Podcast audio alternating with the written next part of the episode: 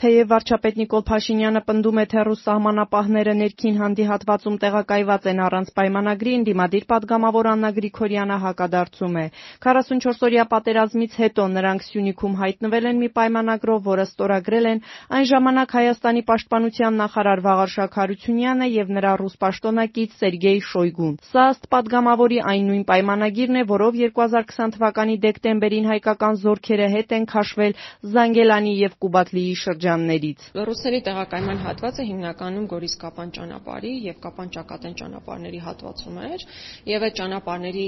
կոնկրետ ներքին հանդը հենց դեպի Ճակատեն գնացող այդ հատվածի, այսինքն այդ տարածքում է։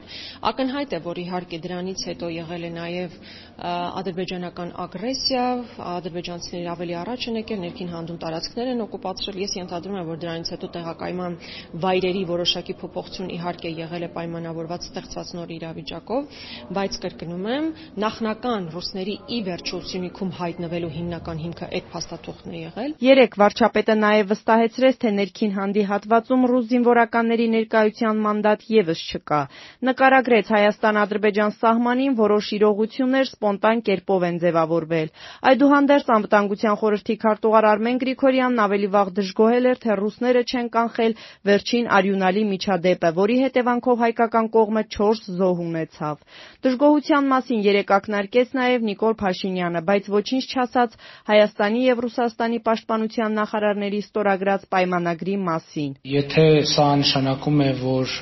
ռուս սահմանապահները այնտեղ որևէ անվտանգային գործառույթ չեն կարող իրականացնել,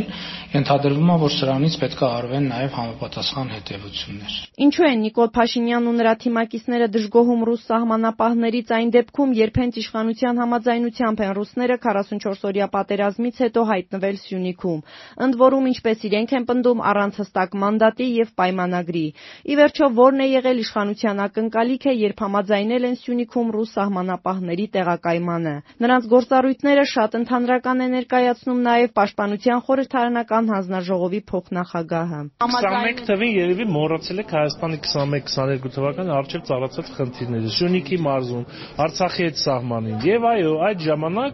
ռուսական սահմանապահ զորքերը տեղակայվել են որոշակի տեղակայումների փոփոխություններ են իրականացվել, որը իրականացվել է զուտ անվտանգային նկատառումներով։ Բայց թե իրենց արժեվ դրած խնդիրները կատարել են թե չեն կատարել, սա արդեն ուրիշ հարց է։ Եթե երկու տարի առաջ Նիկոլ Փաշինյանը պնդում էր, որ Սյունիքում ռուսական հենակետերի տեղակայումը լրացուցիչ անվտանգային երաշխիք է, ներքին հանդի դեպքերից հետո ռուս սահմանապահների գործողությունների արդյունավետությունը իշխանությունը կասկածի տակ է դնում։ Ընդդիմադիր պատգամավորն այստեղ էլ Երևանի եւ Մոսկվայի միջև ստորագրված պայմանագրի բովանդակությանն է հղում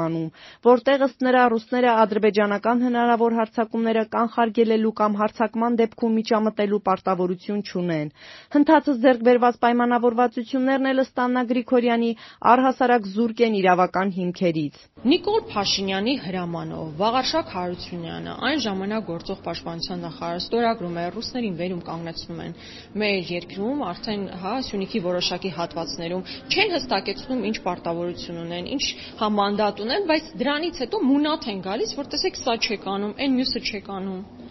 Սա ուղղակի абսուրդ է։ Ներքին հանդի դեպքերից անմիջապես հետո Ազատությունը վարչապետին գրավոր հարցեր էր ուղարկել եւ խնդրել էր պարզաբանել, ինչ հիմքով են Ռուսաստանի սահմանապահ ուժերը 2020 թվականից հետո տեղակայվել հայ-ադրբեջանական սահմանի տարբեր հատվածներում, այդ թվում Սյունիքի մարզում, ինչ գործառույթներ են իրականացնում, արդյոք լիազորություն ունեն արգելելու ԵՄ դիտորդների մուտքը ներքին հանդ։ Այս հարցերին ի պատասխան վարչապետի աշխատակազմից հղում են արել Նիկոլ Փաշինյանի երեկվա ելույթին։ Իդեպ, այդ ելույթում Նիկոլ Փաշինյանն այդպես էլ չասաց՝ դիտորդների մուտքը ներքին հանդ ռուսների կողմից խոչընդոտվում է, թե ոչ։ Ազատությունը նաև հետաքրքրվել էր այժմ ռուսական քանի հենակետ կա Հայաստանում։ Այս հարցն էլ մնացել էր անպատասխան, մինչդեռ պատերազմից հետո ըստ հետքի ռուսական տասնյակից ավելի հենակետեր են տեղակայվել Հայաստանի տարբեր հատվածներում։